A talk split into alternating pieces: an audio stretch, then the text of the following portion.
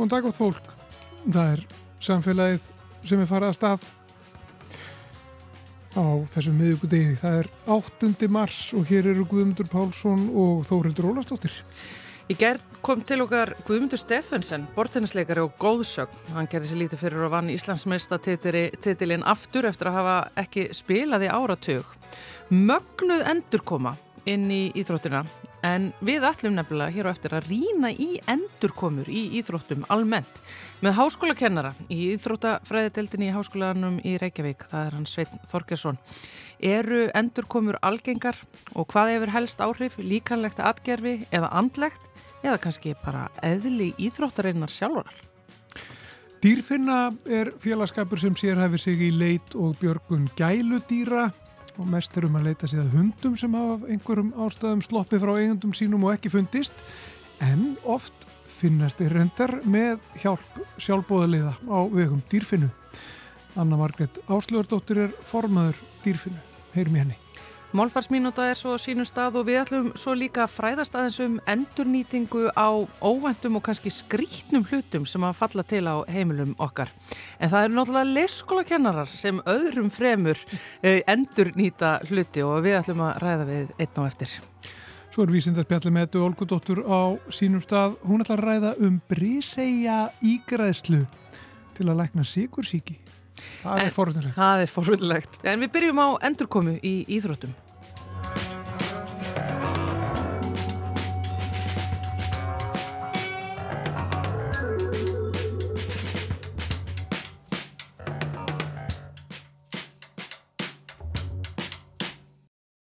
Sveit Þorgersson, íþróttakennari við Íþróttafræði deild eh, Háskólans í Reykjavík. Hvað segja þín fræði um endurkomu í Íþróttum? Mér finnst þetta bara mjög áhugart efni til þess að ræða og spá í.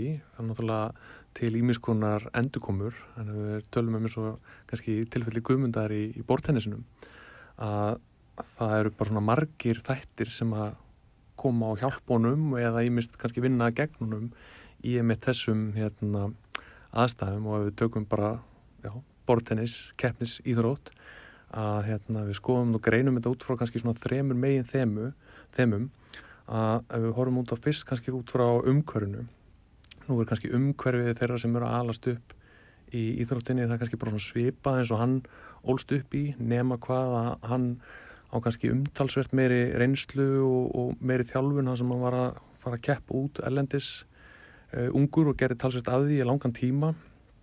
Uh, og það er svona kannski svona yfir, yfir stóra yfir svona lengra tímabili í svona uppeldi sem er svo mikilvægt.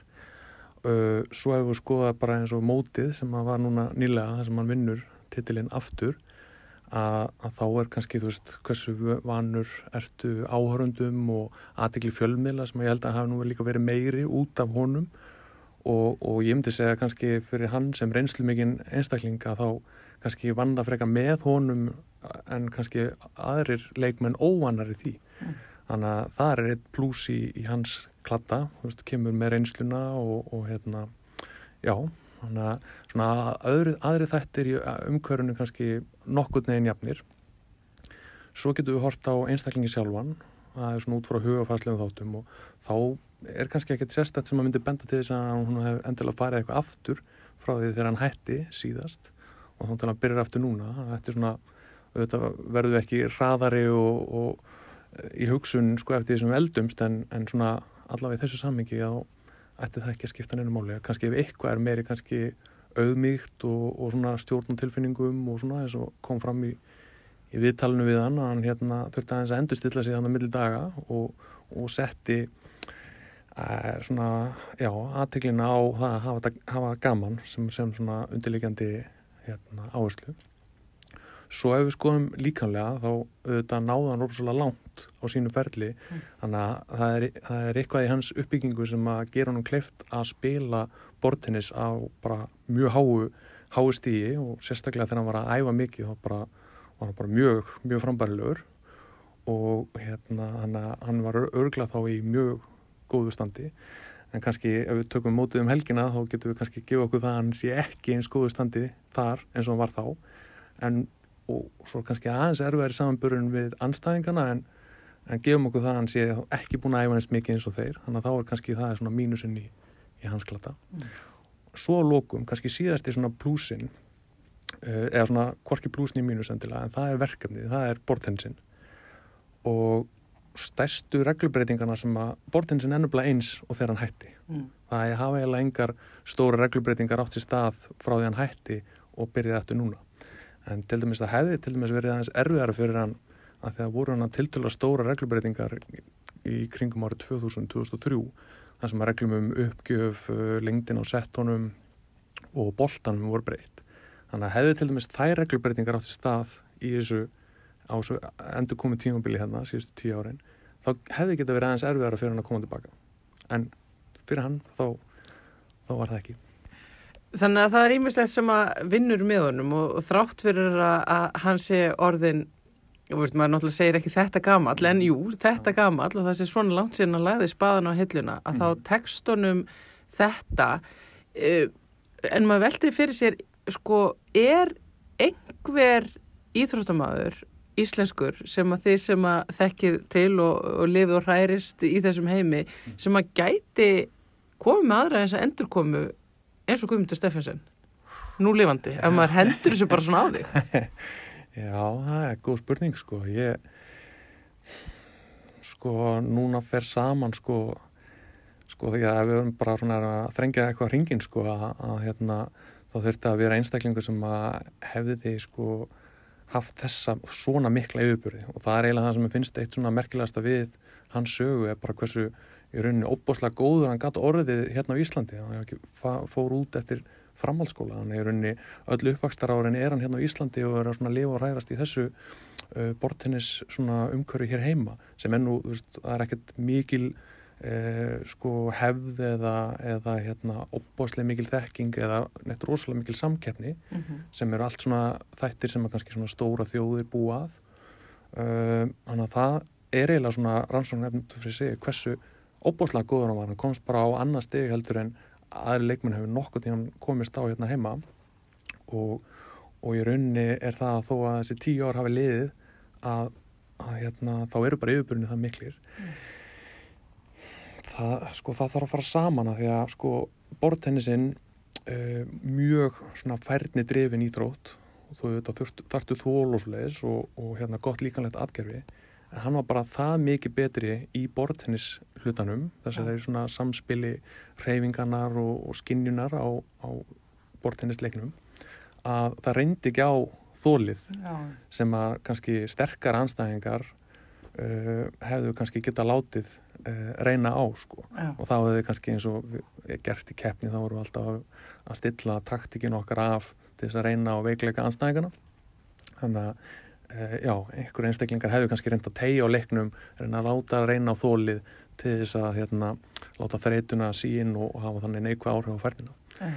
Þannig að nöfn í öðrum íþróttugreinum sem hefur geta gert eitthvað samband hluti, ég er bara stendað hans og gati, sko. Þú veist, af því að, að því að kannski í svona meira eins og boltagreinum okkur svona, þá er þörskuldurinn til dæmis kannski fyrir bara í samkemnslega séð og, og, og hérna, já, bara líkala, þá er hann kannski aðeins hærri upp á það að geta komið inn með svona mikla mikið hérna mikið, Svona rosa endur komu Já, bara svona rosalega endur komu í rauninni sko og bara koma aftur og tap ekki setti sko. Já, nei mitt, þannig að það snýr engin úr gamla handbóltalandsliðinu sem að gerði gardin frægan hérna um árið eh, tilbaka veist, eftir x ár og, og bara tekur upp fyrri hætti hvað þá þeir sem að hafa staðið hvað fremst í, í fótbóltanum eða þvíunlíkt Já, og, og hluta til er það sko, nú er ég ekki að segja að bortennisin hafa ekki þróast á þessum tíumbili en til dæmis hafa orðið reglubreitingar í handbóltanum sem hafa bara gert svona hluti undarfarna ár breytt leiknum bara svolítið svona uh, bara talsvert mm. og hérna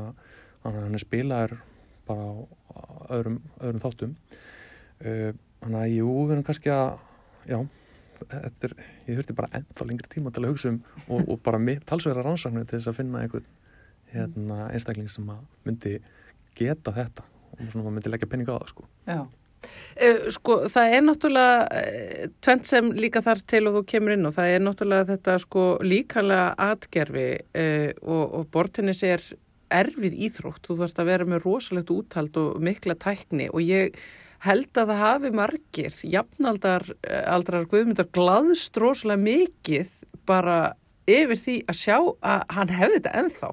Af því að sko bara um og eftir færtugt þá finnum maður einhvern veginn svona líka minn fyrir einhvern veginn að bara hörna nána stundamanni þannig að sko þetta var svo þetta, þetta er líka svona, svona eigingert búst fyrir ákveðina kynslu hérna á Íslandi að sjá hann gera þetta. Já, mætti alveg segja það.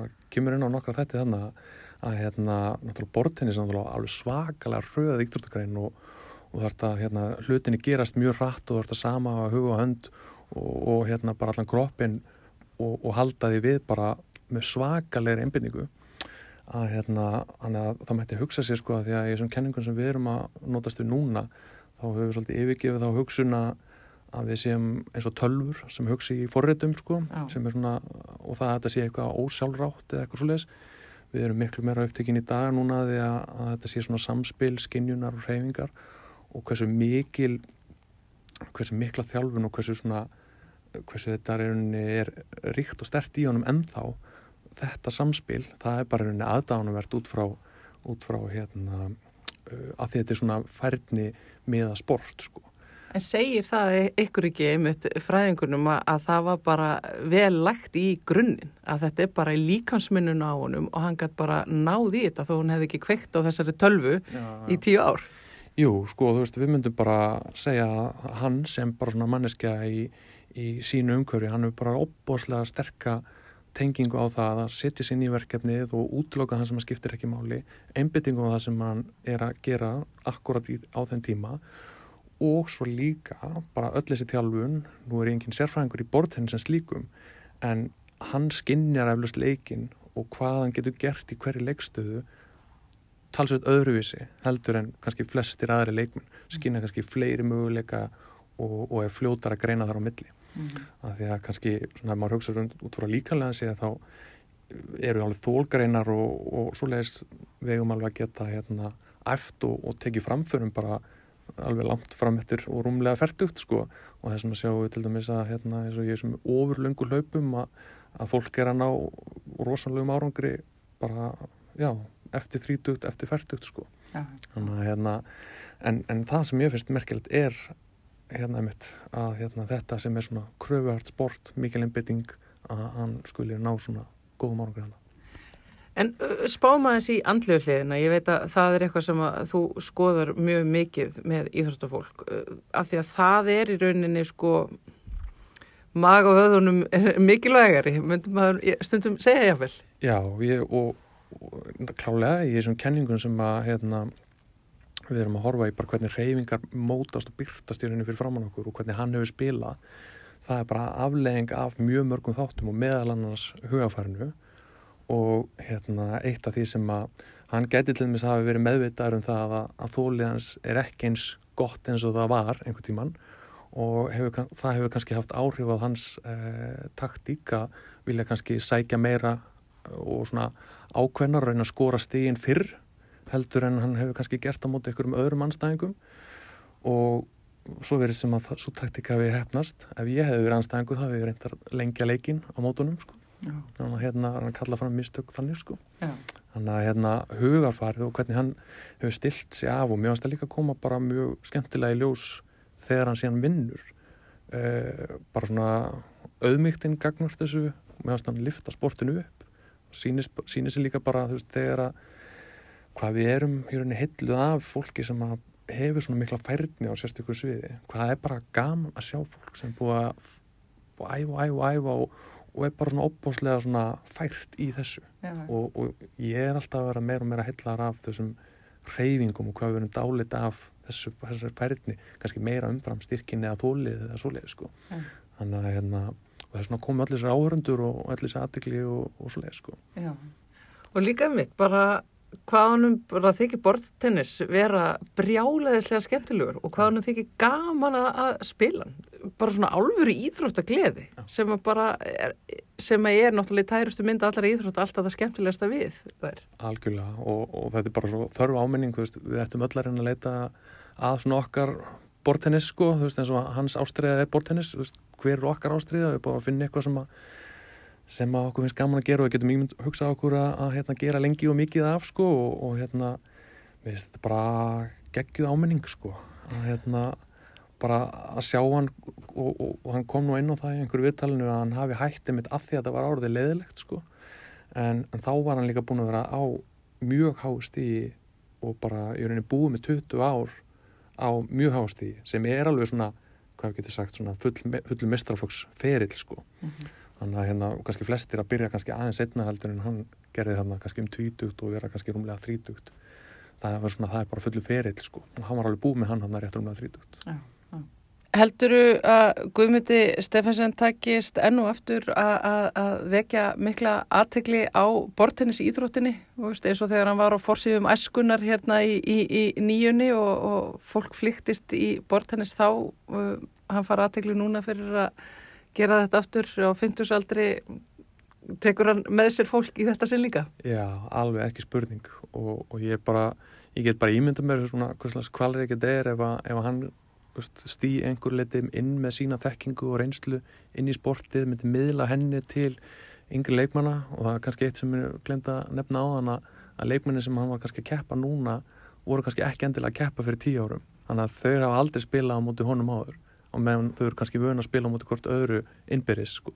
en þarna hefur hann komið inn svona, sem svona ný, ný superstjárna og það hefur verið svona kannski aðeins annar, annar faktor í, í spilinu sko.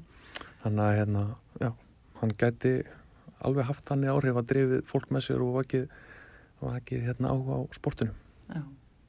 Eru gaman að fylgjast með honum og emitt eh, gaman að heyra í ykkur fræðingunum og öllum íþróttanördunum liggja yfir þessari mögnuðu endurkomu og öllu sem að í henni fælst. Sveit Þorgersson, háskólakennari í Íþróttafræðideldinni í Háskólanum í Reykjavík. Takk hjá það fyrir spjallið. Takk sem leis.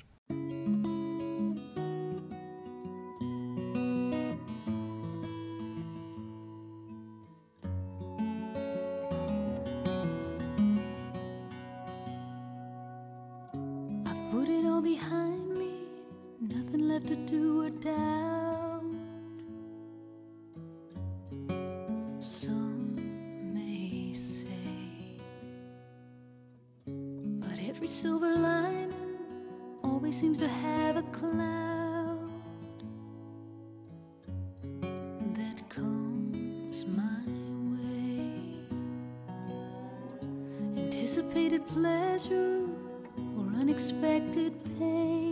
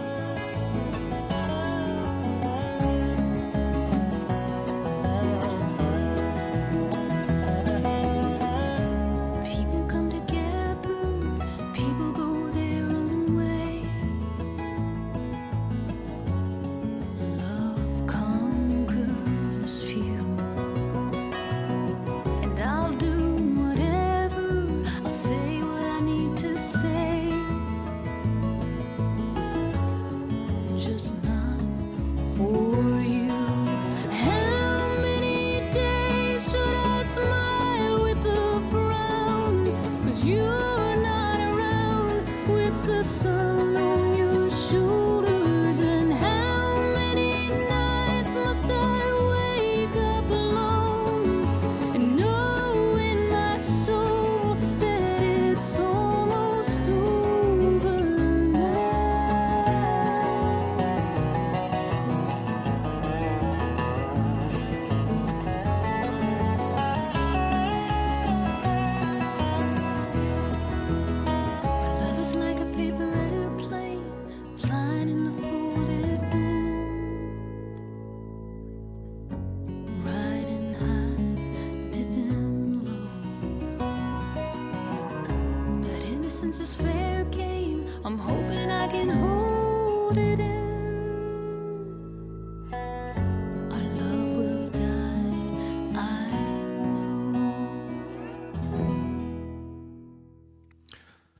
Þetta er Alison Krauss og uh, hljómsveitin Union Station. Lag sem heitir Paper Airplane og er af samnefndri blödu sem kom út árið 2011 Við ætlum að tala aðeins næstu mínutunar um uh, dýrfinnu.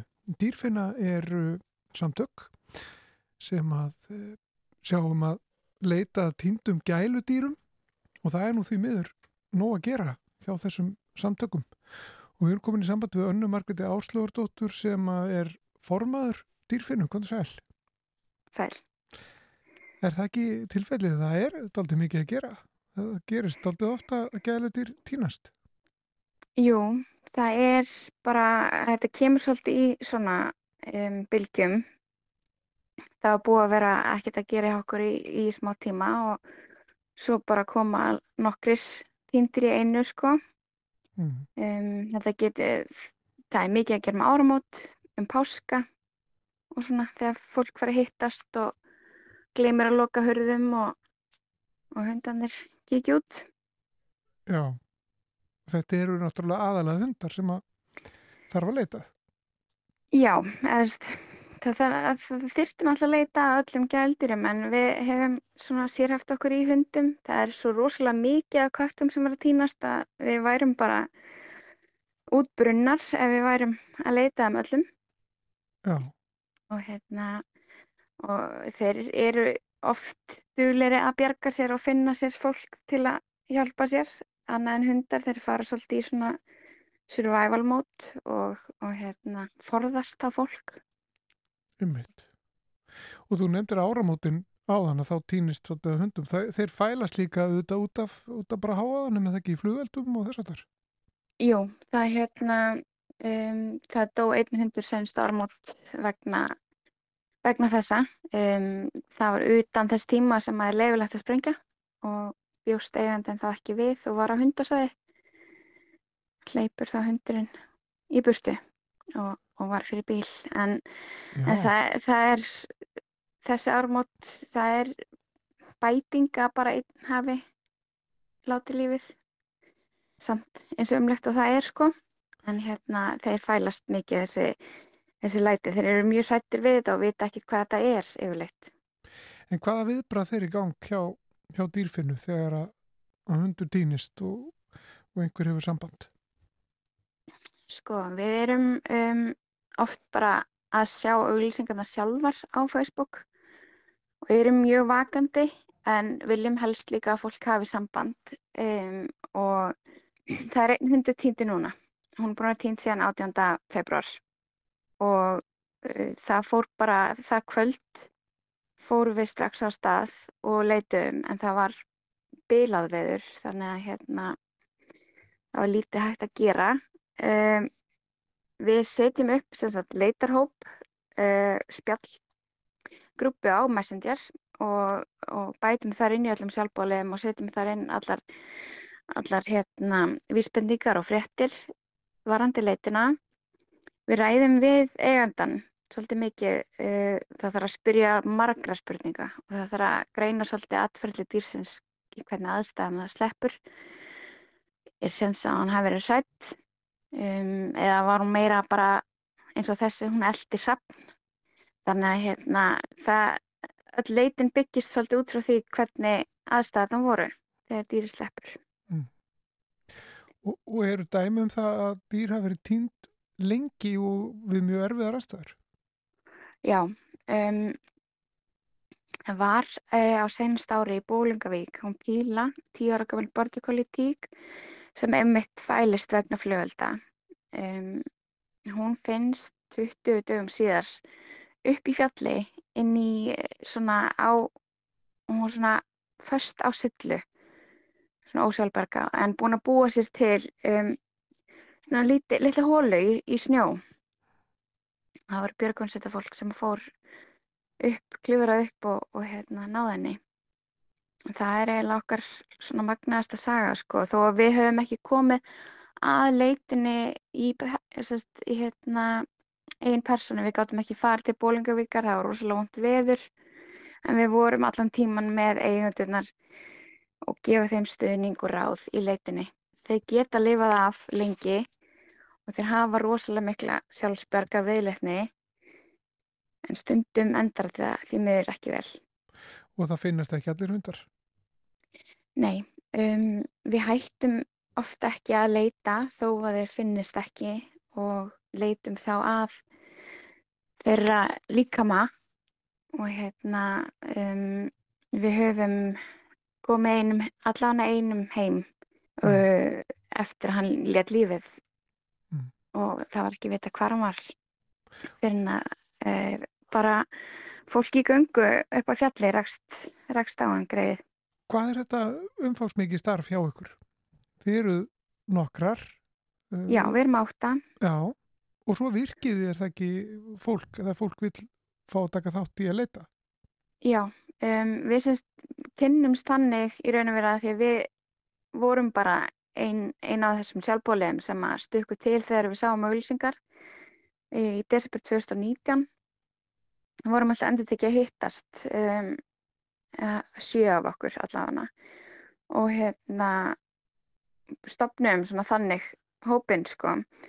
Og við erum að virka fólk í að leita. Og það er bara, við gætum þetta ekki án sjálfbúðarlega bara hérna og þaðan úr, úr bara samfélaginu sko. Þetta væri, við værum ábyggla, já, útbrunnar Já, þetta, er, þetta er rosalega mikið verk og við erum rosalega þakkláttar fyrir alla sjálfbúðarlegana sem að koma þegar þeir hafa tíma og fara í göngur og fylgjast með, leita og bara hjálpa að bera út auglýsingarnar um, um tíndýr. Eh, þið hafi verið eða ekki að þróa svona app eða smá forrið? Jú, sko eh, félagsamtökinn dýrfinna um, urðu til þannig að við samanum fyrirtækjana Guðfinni Kristinsdóttir sem var uh, byrjuð að þróa app um, til hjálpa týndum dýrum. Og Guðfinna er algjörleikileg manneskja í okkar hóp því að hún hérna, er lærð í haugðum týndra dýra. Og, og hérna, hefur bara verið okkur til halds og traust um, varandi haugðun og greina alls konar vísbendingar en appið er held ég á, held ég á sínu loka ferli þannig að það vonandi kemur bráðum út. Og hvað, hvað fælst í því? Er það, Þá, er það helga leitin eða týndum dýrum eða er, er þetta skrádýr eða hvernig, hvernig er það? Bæði í raun og veru, þá mm. erum við með sem sagt hérna þú getur verið með bara þinn profíl fyrir þeitt dýr, um, upplýsingar um það, hvort það sé eitthvað sérstakt sem það þarf að hafa í huga ef það týnist. Um, ef það týnist þá getur þú um, ítt á napp sem að bara sendir þá út tilkynningar til fólks í kringum þig sem er með appið einnig. Þú fengi þá tilkynningu síman, þú veist, hérna, hún Ronja hljóp út, vilja hafa augun opinn mm -hmm. og, og til dæmis eins og með mína tík, ef hún hleypur út þá vil ég ekki að fólk tækja hana upp, henni finnst það mjög óþægilegt og, og þá getur ringt beint í viðkomandi og sér hundin tilkynnt sko bara af appinu og það væri einni hægt að, að hérna, búa til eh, leitargrúpu, svona spjall þar inná. Og þetta er bara á, á lokametrunum? Já, mér skilst það. Uh, hún guðfinn okkar svolítið að flytja erlendis en hérna, og mikið að gera hjá henni í skólinum mm. en, en mér skilst að þetta sé að að, hérna, að smetla saman. Þetta er búið að vera laung vegferð en einnig e, dýr og fólk búið að hérna, leggja fram styrki í þetta. Já, ég sé á heimasíðun eitthvað að þið eru að selja ímislegt. Já. Og mikið af öryggisvörum. Já. Uh, og þá erum við að tala um, já það eru bílbeisli fyrir, fyrir hunda og endurskinsvesti og þess að þar. Já. Og líka sem sagt svona mm, GPS tæki Já. sem að til að rekja ferðir dýra.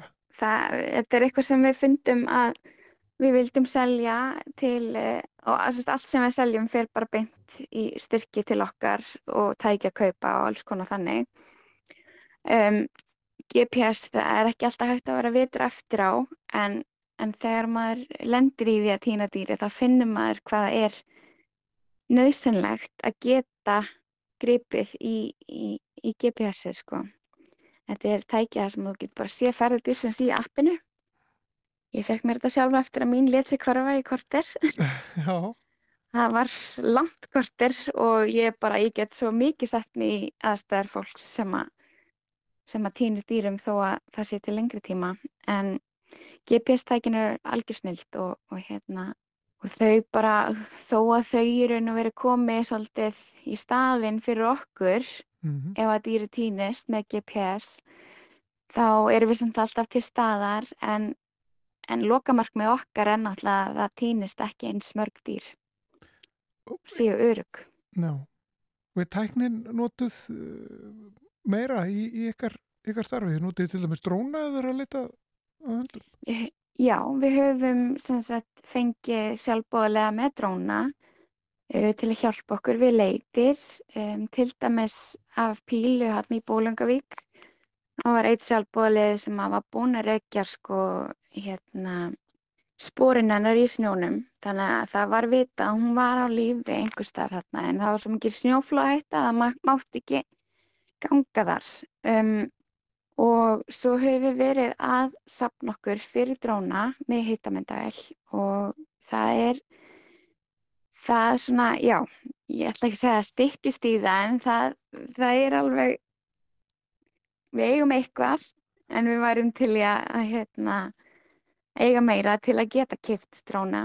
Já, Uh, við styrt okkur með hitasjónauka uh, í fyrra og hann er bara, hann hefur nýst okkur greiðlega vel.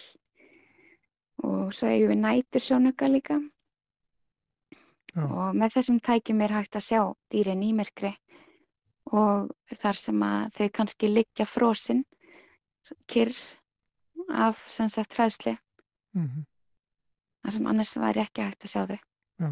Þannig að tæknin nýtist vel við leita að týndum hundum. Hún gerir það.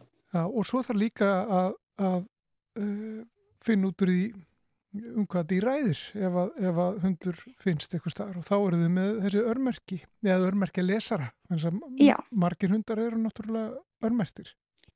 Já, Kanns- kannski- um, kannski allir bara- hundar, kettir og kanínur uh, eiga að vera örmert eftir 12 vikna aldur minni mig.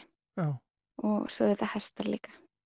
Þannig að við getum lesið öllum þessum dýrum uh, með svona skönnum. Og þetta hefur uh, stytt byðina á því að finna eigenda gríðarlega. Anna Margrét, ég ætla að fara að ljúka þessu Já, spjalli um dýrfinnu sem er þessi samtök sem að sérhafa sig í, í leitað týndum gæludýrum. Er einhver leit yfirstandandi núna? já, það er hún Líf sem er íslensku fjörundur. Hún týndist 18. februar, februar um, í Hafnarfirði við Ástjörn. Hún hefur ekki enn fundist. Hún hefur mögulega sést í Kópói, Hafnarfirði og Garðabæ. Já. En einhvern veginn kemst hún hann óséð á milli. Þannig að allir lausir íslenskir fjárhundar má tilkynna til okkur. 18. februar. Já, þetta er langur tími. Það er langur tími. Einmitt það. Anna Margrét Áslöðadóttir, formaður dýrfinnu. Takk fyrir spjallið. Já, Gangi takk ykkur vel.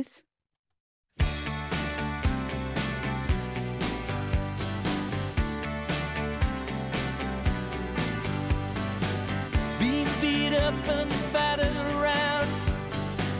Being sent up and I've been shut down. You're the best thing that I've ever found. Handle me with care. Reputation's changeable. Situation's tolerable.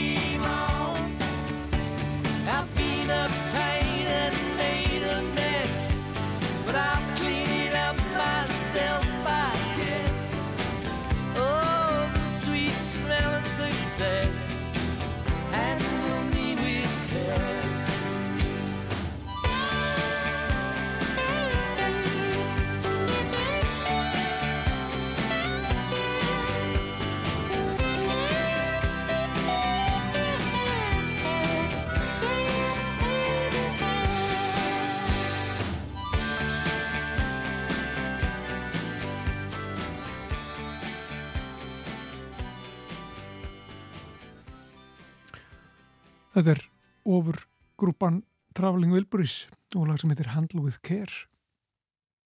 Áfram höldum við hér í samfélaginu en áhuga hópur um endurvinnslu og endurnýtingu sem er síða á Facebook eh, er afskaplega forvitnilegur og skemmtilegur hópur þar fara gerðnan fram fræðendu umræður og svo stundu verið að óska eftir alls konar dóti sem fyrir flesta, flestum er rusl en fyrir aðra þá er það nýtilegt eins og þegar Marja Ösp Ómarsdóttir óskaði nýverið eftir Já, Marja Ösp, eftir hverju varst, varstu að óska þarna inni á Facebook-hópnum? Herði, ég var að óska eftir töppum af skvísum eða svona barnamauki í póka. Mm. Töppunum af þeim sem eru plasttappar sem að einmitt eru, held ég endi nú oftast bara í endurvislutunni. Já. Óskaði eftir þeim og fekk svo sannarlega mikil viðbröð. En uh, það er kannski, viðbröðin voru náttúrulega jákvæð, margir sem að luma á þessum töppum sem að fara náttúrulega bara yfirleitt í plastið. En uh, hvað ætlar þú að nota þessa plasttappa í? Herði, ég og, og við í uh, félagsamtökunum Men Play uh, erum reglulega með viðböri fyrir fjölskyldur sem hvetjum til samveru og, og erum með alls konar skapandi smiðjuvinnu og við erum núna að sapna í fyrir sumarstarfið okkar. Þannig að uh, þessi tappar ásamt uh, fleiri endurvinnanlegum efnivið mun enda í skapandi listasmiðju fyrir fjölskyldur. Já, og þetta er kannski einmitt málið. Það eru alltaf einhvern veginn þið leikskólakennararnir um, eins og þið hjá MEM og við heimsóttum ykkur einmitt í samfélagi hérna um daginn. En það er alltaf þessi Mm. leikskólakennarar sem að sjá ótrúlegustu hluti, nota, uh, sjá ótrúlegustu hluti sem svona endur nýtanlega. Já, það er nefnilega það sem er svo skemmtilegt við leikskóla umhverfið og, og ég bara svona líka bara eh, skapandi umhverfi í skólastarfi með börnum að uh, oft uh, við leggjum svona aðal áhersluna á uh, ferlið sjálft, ekkert endilega afurðina eins og svona kannski flesti fóreldrar mögulega kannast við þegar barnið kemur heim með með hundruðustu teikninguna þá vikuna að hérna þá erum við kannski ekkert endilega að leitast eftir uh, stórkostlu listaverki í sem loka afurð en það er svona ferlið sjálf, prósessin við það að búa til uh, uh, verkið eða skapa og hvað er betra en að geta endurnýtt eitthvað sem annars væri hend Mm. í það ferli vegna þess að föndur efni og máling og, og litir og allt pappir, þetta er allt eh, hérna dýrar vörur oft. Og það bara uh, allavega að minni reynslu að leikskólakennarar og, og, og list- og verkefnakennarar eru rosa naskir á þetta að nýta það sem til er til þess að geta gefið sköpuninu meira frelsi. Maður sé ekki alltaf að passa upp á pappirinn að passa upp á þetta og hitt. Já, og það er einmitt eh, kannski málið þú varst að óska þarna eftir þessum plastöpum að skvísunum en ég hef séð líka verið að óska eftir geisladiskum og klósettpappíshólkum og, og svona hvaðina. Er þetta bara ekki alltaf leikskólakennarar sem eru í list, listasmiðunni sem eru þá að óska eftir þessu öllu saman? Það kæmi mér allavega alls ekki óvart. Heldur betur ekki vegna þess að, að ég veit það fyrir vist af eigin reynslu og líka bara svona utan að mér að, að leikskólar á Íslandi eru rosalega duglegir í einmitt þessu. Ég bara Já. hef ekki reynsluna annars staðar að en, en hér erum við, erum við mikið að hugsa líka bara um umhverfið og að hérna nýta það sem er til og hvort, hvort að það stafi að van fjármögnun, hafið þið ekki, það er önnur umræða. En hins vegar þá eru líka leikskólakennarar oft rosalega duglegir að bjarga sér, Já, að finna nýjar lausnir og nýjar leiðir vegna þess að það er náttúrulega svo dásamlegt að vinna með þessum litlu börnum af því að fyrir þeim er allt leikur og allt er efni viður. Að kannast bara við að heima með börnin sína að þau vilja nú eiginlega ekki sjá dótið en þau vilja helst leika með pottan og pönnunar eða, eða plastruslið. Já, sem að minni mig mitt á það þegar ég gaf sinni mínum jólagjöf og það sem að var jólagjöfu sjálf varð ekki það sem að vakti mesta lukku heldur Mm. pappakassin utan af jólagjöfinni. Það var Einmitt. leiktækið næstu tvo mánuðina. Einmitt, það er svona klassíst og ég er með eitt rosalega gott ráð hérna til foreldra ungra barna sem, að, sem að eru ennþá á gólfinu eða farna þess að, að hlaupum og að við, við þekkjum það þegar ég elska að opna og loka skúffum og þess að þar að hafa eina skúffu í eldhúsinu uh, í neðustu hæð sem er ekki læst uh, og fylla hana af svona jógurtdollum og, og svona alls konar uh, örugu rusli eins og við kallum það og þá fær maður oft, kaupir maður sér oft smá tíma við eldamennsku annað í eldasinu að opna, opna góðu skúfuna. Já, þarna ertu sniðug. En Yes. einmitt þetta með að- nýta ímyndunaraflið af því að sem að börnin hafa uh, Mm. svo mikið af, þetta neytti mig til að hugsa um þessa plasttappa skvísunum sem að margir fóreldur Mm. þekkja og, og sjá út úr því einmitt eitthvað sem að blasti ekki við af því ég er bara of fullorðinn og, og, og alltaf bara einhvern veginn að reyna að komast í gegnum daginn. En ég einmitt Mm. hugsaði að þetta ekki myndi vera frábært til þess að þræða upp á band og gera hálfestar úr, þetta eru augljóslega augu og á, á einhverju svona fígúrur og bara, það er hægt að gera endalst við þetta, maður getur búið til kalla með því að líma þetta saman og það er allt það er allt hægt að gera úr þessu og ég hafi bara aldrei séð það fyrir en að þú fóst að auglýsa eftir þessu inn á þessari síðu. Já, og kveiktir í fólki með þetta. Já, þetta er nefnilega rosalega, sko, ef maður hugsa um þetta, maður sér þessar skvísur allstaðar, þetta er rosa handtækt, þægilegt svona á ferðinni og líka bara svona grípi heima, en uh, ef við hugsaum bara um bara efni sem efni, ekki sem eitthvað sem þetta notagildi, þá getur þetta svo sem verið hvað sem er. Og það er það skemmtilega við uh, smiðjurnar hjá, okkur í MEM, að við viljum helst ekki vera búnar að búa til fyrirmyndir eða gefa ofmiklar hugmyndir á notagildi heldur að leifa börnunum svolítið að svona að finna kveikinni hjá sér. Og það er ótrúlegt hvað maður getur lært af börnum í skapandi starfi á því að bjóða bara upp á efniviðin og fylgjast með þeim vegna þess að þetta eins og segi getur orðið í rauninni hvað sem er. Já, sem að er eh, góð leið fyrir okkur fullorna að hugsa um umhverf okkar og, og sorpið og drasli sem að rennur Mm. frá heimilunum okkar dagstælega. Takk kærlega, já, þú og allir aðri leikskólakennarar fyrir að, sjá uh, nótæfa hluti úr dótinu, óska eftir því og, og, og svo bara áfram börn og listsköpun. Þið eru alveg með þetta. Algjörlega, algjörlega og bara það er svo gott að hugsa til þess að treysta, treysta börnunum okkar fyrir ímyndunaraflinu vegna þess að þó að við séum aðeins komið með meiri raukugsun og, og, og ímyndunarafli kannski glemst aðeins að þá eru þau með það en þá leifa því að njóta sín, fylgjumst með þeim. Það er indislegt. Takk fyrir þetta, Marja Ösp Ómarsdóttir, leikskólakennari. Takk fyrir.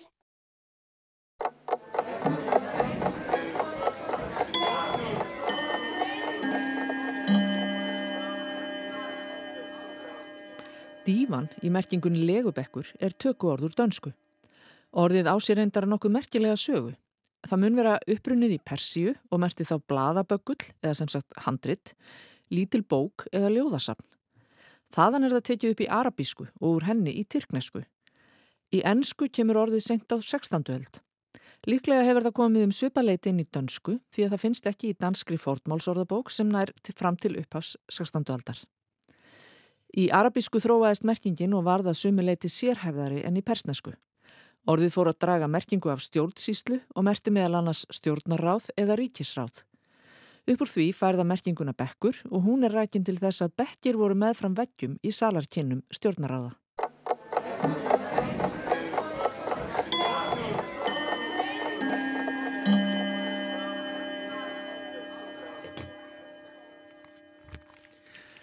Málfarsmínúta að baki hjá okkar konu Málfarsraðunöyti önnu Sigriði Þránstóttur og uh, þá er komið að öðrum föstun lið hérna hjá okkur í samfélaginu. Það er vísendarspjallið með Eddu Olgudóttur. Sælvertu Edda. Sælverði.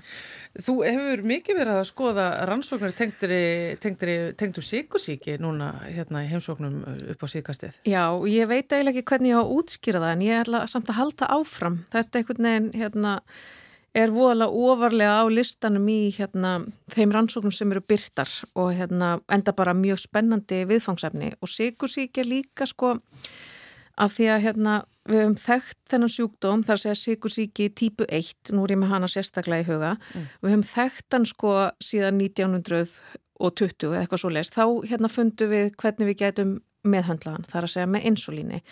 En síðan þá að þá hafa kannski ekki verið neina rosalega framfarir og hérna af því að þetta er sjúkdómur þegar hérna sikursíki típa 1 er sem sagt þannig að frumurnar sem er í brísun okkar sem að heita betafrumur er bara deyja og er hérna, hætta deyja og þess vegna hættu við að framlega insulín. Þannig að það er ekkert insulín til staðar í líkama þeirra sem eru með sikursíki típu 1. Og þetta er hérna, einhvers konar sjálfsónami sjúkdómur sem að, hérna, ræðist sérstaklega á þetta lífæri og það er að segja sérstaklega á þessar frumur sem að heita betafrumur og mynda það sem er kallað brísegjar og það þýðir bara að þarna eru svona frumuklasar af þessum betafrumum sem að framlega insulínu og seita því svo út í blóðrásuna og þá, hérna, þannig höfum við stjórn á blóðsikrinum og tökum inn hérna sigur úr blóði til þess að vinna það í frumunum okkar. Þessar brísegir eru til dæmis mjög þekkt spurningur getur betur. Já. Hérna, það er alltaf verið að spyrja um einhverjar eigur í líkamannum. Já, það. það er mjög skemmtilegt. Margir sem að munið þetta úr lífræðin og getur betur. Já, emitt. Og hérna, en þegar það er degja og er ekki lengur til staðar, að þá er í raun og veru eina sem að hægt er að gera er bara ævilöng livja meðhandlun og, hérna, og við þekkjum það að fólk sem er með hérna típu 1 af sikursíki það þarf að, að spröyta í sig insulín á hverjum einasta degi, jafnvel ofta á dag til þess að viðhalda réttum blóðsikri svo þau geti nýtt orkuna úr hérna fæðunni. Og svo hafa svona, þú veist, höfum verið að reyna að skoða eitthvað svona leiðir til þess að endur lífka þessar frumur og, og koma þeim bara aftur í gagni þannig að líka minn getur farið aftur að hérna að framlega insulín og meðal annars þá var gerð hérna ígræðsla í mann uh, á síðast ári og ég, mér finnst eins og ég hafi talað um það hérna en ég bara verða viðkenna í manna ekki alveg en þá var sem sagt verið að nota vefja sérhæðastofnfrumur sem voru látnar þroskast upp í það að vera þessar betafrumur og þær voru svo grættar í mannesku sem að náðu svo að fara að mynda sitt eigið insulín. Mm. En þessar svona vefja ígræslur þær hafa, þú veist, við, við höfum ekki, okkur hefur ekki gengið mjög vel með það og flesta rannsóknir sem hafa verið gerðar þar sem hefur verið að reyna að græða í nýjar betafrömmur að þar hérna ræðst líka minn mjög hratt á þessar frömmur og drepa þær aftur. Þannig að, að hérna jáfnvel þó við séum að beita þessum hefbundu aðferðum til þess að komi vekk fyrir það að líka minn ráðist á hérna ígræta lífærið að þá verist eitthvað neina, þetta er eitthvað aðskota hluti sem líka minn vill bara helst ekki vera með. Uh, en svo núna Uh, í bara byrjun þessa mánadar að þá var rannsóknarhópur við Massachusetts General Hospital sem að byrti grein í vísindaritinu Cell Reports Medicine. Og þau voru semst að skoða uh, ígræðslu í öpum. Að þá voru þau semst með hérna uh, frumur sem að hérna sko koma úr gjafa og græða það í, þann, í apa, þeir eru með þrjá apa sem þau græða í. og sjá það að þeir ná að mynda insulín og læknast af sikursíki típu 1 sem þeir voru semst með. Og það sem þeir að gera öðruvísi þarna, þau eru náttúrulega með gjafafrumur úr öðrum apa sem er ekki með sikursíki mm. og sá api náttúrulega eins og bara alltaf þegar þú ert með hérna einhvers konar hérna, líf, líffæra ígræslu og þá þarf að vera ákveðin svona pörun á milli einstaklingana þannig að líka með þegans mun ekki hafna þessu um leið en svo þar að þau ekki að þá meðhandluðu frumunar þau taka þessar betafrumur og einhvern veginn setja þau inn í svona hjúp af þá bæði sko blóðvögva úr gjafanum, nei úr þeganum segir, þannig að þau eru búin að svona að þekja svolítið frumunar með hérna frumum sem að líka minn þekkir nú þegar. Og svo setja þau þarna með uh, prótín eða, eða svona hormonaþátt sem heitir þrombin og þetta er svona storku þáttur þetta er semst hérna það sem að kemur þegar við til dæmis skerum okkur og þá kemur þetta prótín á staðin til þess að stoppa blæðinguna Já. og svo einhver önnur enzím þannig að þau eru búin að setja þarna utanum frumurnar ákveðin svona vendarhjúp og svo setja þau í staðin fyrir vegna að þegar að við höfum verið að gera þessar ígræðslur þá hafa þær yfirlegt verið settar í livrina og brísið nefnilega liggur svona rétt undir livrinni og er þarna alveg við Já. Og hérna það er eitthvað, við höfum verið að vinna með það að setja e, frumunnar á svipaðan stað, ekki samt í brísið, heldur í livrina sjálfa. Og þar er alltaf ráðist á þar og þær eru drefnar. En í staðin fyrir að gera það þá settu þau ígræðsluna í hérna líffæri sem heitir netja. Og netja er bara svona þunn himna eða himna og fytulag og, og æðalag sem að liggur svona meðfram líffærinum okkar. Og þetta er bara svona eiginlega bara svona svunda sem við erum með utanum líffærin. Og þarna, já, á ennsku er þetta ommentum minni mig. Já. og hérna þarna setjaðu þessi hérna, þessar verndar hjúpuðu frumuklassa setjaðu þarna inn í netjuna. Og þar virðast þeim, virðast þeim vegna vel. Og þar byrja hérna, það tekur náttúrulega smá tíma fyrir hérna, frumhundnar að finna þarna ætla að reyga heima og aðeins koma sér fyrir og svo byrja það að mynda insulín og þar af leiðandi getur hérna, geta abarnir, þessi þrý sem að þessi ígræsla var prófið í Eh, hægt að fá insulín utanfram og geta þá nýtt þetta insulín. En þeir eru líka meðhandlar með þessum hefðbundnu sko varnar viðbröðum við því að, að hérna, þegar að fólk og, og dýr fari gegnum hérna, e, lífara ígræslu þau fá líka þessas hérna, ónami spælandi liv þannig að það sé ekki verið að ráðast á þetta nýja lífari. Já, já. Þannig að það er alveg ímestlegt sem að fylgir þessu en það að þetta sé að takast í öpum sem að eru náttúrulega með líffæri bara eins og okkar og greinlega þessa netju Já. til dæmis mm -hmm. að það, það gefur þá bara mjög góða raun þetta, þetta, er, það er alltaf þetta er alltaf aldrei komið aldrei langt þetta er færið apana eða ekki? Jú, þá erum við komin svolítið langt, þá erum við hérna, komin eins nála því að við getum að vera að gera tilraun í mönnum þannig að næsta skref er náttúrulega að prófa þetta í mönnum og það er verið að undibúa þá rannsókn sem að fer vonandastað bara þessu ári en það eru alls konar þætti sem þarf að aðtuga sko áður en að maður fer í rannsóknir á mönnum því að maður hoppar ekkit bara í það án þess að vera með tilskilvin leifi og, og annað slíkt sko. En svo er líka það sem er svolítið áhugavert við að vera með þetta þannig í netjunni af því að til dæmis þegar að við erum að gera uh, svona ígræslur með vefja sérhæðum stopnfrumum af því að þær eru svolítið svona á góðri íslensku wildcard við vitum bara ekki nákvæmlega hvernig það er haga sér og við erum búin að hérna, beita okkar aðferðum til að reyna að temja þær sko og toga þær í þá átt sem að við viljum að þær fari en þær eru samt náttúrulega þeim eiginleikum getur að geta orði hvað sem er og Já. þannig þess vegna finnst okkur það líka svo spennandi. Það er líka hættulegar einmitt út af því. Það er nefnilega máli. Þær geta líka verið hættulegar út af því og það er alltaf ákveðin svona áhætta af því að þarna verði til dæmis ægslismyndandi frumur vegna þess að við erum búin að vera að pota í þær og gera alls konar svona hérna triks á þeim til þess að þær gera það sem okkur langar til þess að þær gera. Svo gera það kannski einmitt eitthvað allt annað sem er bara beilinni sættulegt. Stundum er það þannig ah, sko. Þannig að það er svona, það er svona heimliðin á þessu. Það er heimliðin en þegar við setjum þetta í netjuna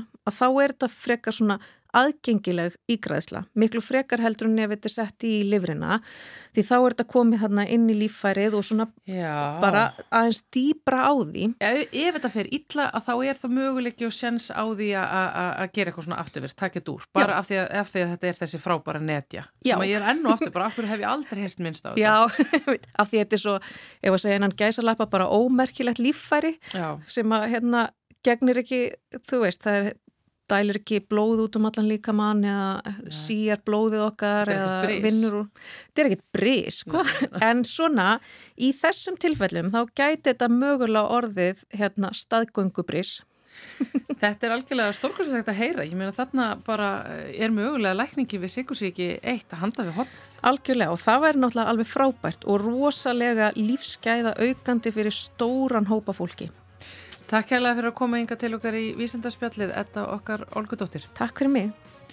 Og uh, með þessu líkur samfélaginu í dag hjá okkur Guðmundi Pálssoni og Þórildi Ólastóttur. Við erum hér að sjálfsögðu á sama tíma á morgun, milli klukkan 1 og 2. Hér úr þá.